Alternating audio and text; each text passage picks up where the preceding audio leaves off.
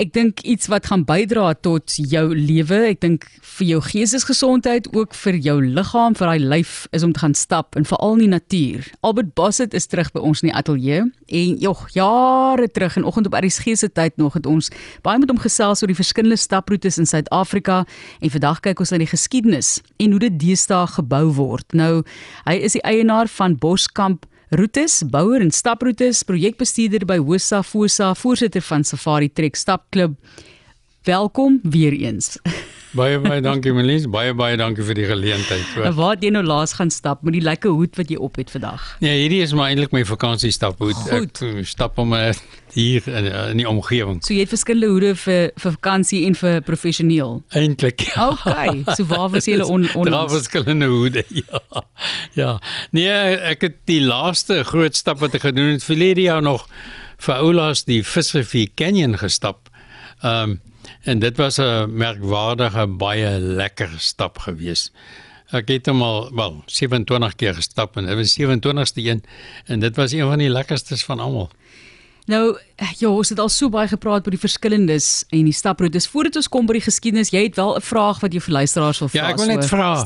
Wie of hulle weet wie's die oudste of daar wie is die oudste stapper wat al gestap het? As ons net laat weet van die Visrivier ja, Canyon hè? Spesifiek.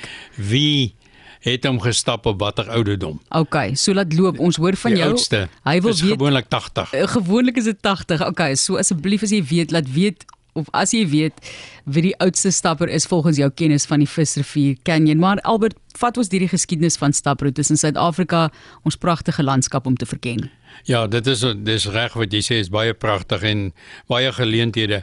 Ja, die uh, geskiedenis van uh, staproetes het eintlik begin in 65 daar in die 1960s toe minister Fani Botha, minister van Bosbou, het hy vir Janie Levy van Amerika gekry. Sy het daar staproetes daar uitgelê om hier te kom staproetes uitlê in die bosbou areas.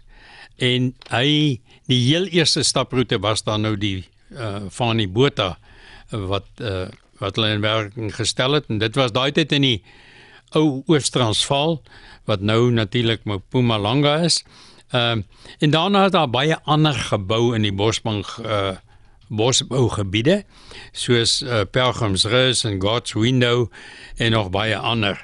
En sy het toe nou ook gehelp om by die ou tuislande soos Transkei en Ciskei het sy nou heelwat roetes daar ook gebou en sy het onder andere ook 'n boek geskryf daai tyd oor die staproetes en goeders. Ehm um, dit was eintlik die begin. Toe daar 'n tydperk gevorm uh, ge plaasgevind ja? van 1990 tot 2000 en toe die boere aan boord gekom want hulle het gesien hier's nou 'n geleentheid uh vir baie goeders. Onder andere was dit meestal naweekroetes en hulle het die wildernisareas op hulle plase gebruik en so ekstra inkomste verdien. Hulle het natuurlik die ou geboue en stalle en wat ook al opgeknap, uh, baie goedkoop en op die manier stap akkommodasie voorsien. Nou daar was nog maar gewoonlik daai tyd maar net long drops en 'n donkie vir warm water en hulle het maar net wat ek noem dit koeipaadjies wat hulle gemerk het wat dan nou deel was van die staproetes. Ehm uh, en dit was nou daar was baie meer staproetes, maar ongelukkig was nou nie so opwindend om op 'n koeipaadjie te stap hier oor die vlakte nie. En toe die tydperk aangebreek van 2000, ek sê van omtrent 2000 tot vandag. Nou onder andere het uh, emeritus professor Leonigo wat ook al die hele gesels het en deel was van die groenvlag storie. Hy het op wetenskaplike metodes en met kaarte en Google het hy toe nou roetes oral oor Suid-Afrika gebou. Maar daar was 'n ander roetebouer hier in net met die draai van die eeu wat met ander soort boumetodes te werk gekom het en veral in die Vrystaat en materiaal wat hy gebruik het het byvoorbeeld leere teen kraanse opgesit en allerlei sulke goed. Maar ongelukkig die materiaal wat hy gebruik het, het toe nou verweer, maklik verweer. En ek sê altyd jy kan 'n staproete enige plek bou. Jy moet maar net die regte materiaal gebruik en natuurlik my siviele ingenieursagtergrond het my baie gehelp om dan nou met hierdie nuwe metodes meer opwindende roetes te bou deur sekere strukture te maak uh van meestal behandelde hout want die hout moet hou vir vir hele lang tyd. Nou op die manier het ek toe nou, jy weet, hangbre op roetes gesit en lang en hoë leere. Uh ek noem dit die A boumetode wat jy nou oor 'n rivier gaan is amper soos mm, daai tyd wat die bridge on the river Kwai. Ja. Uh, so 'n tipe boumetode gewees. En natuurlik leere en kliptrappe want die kliptrappe hou baie langer as die en beter as die hout vir my en is esteties, jy weet.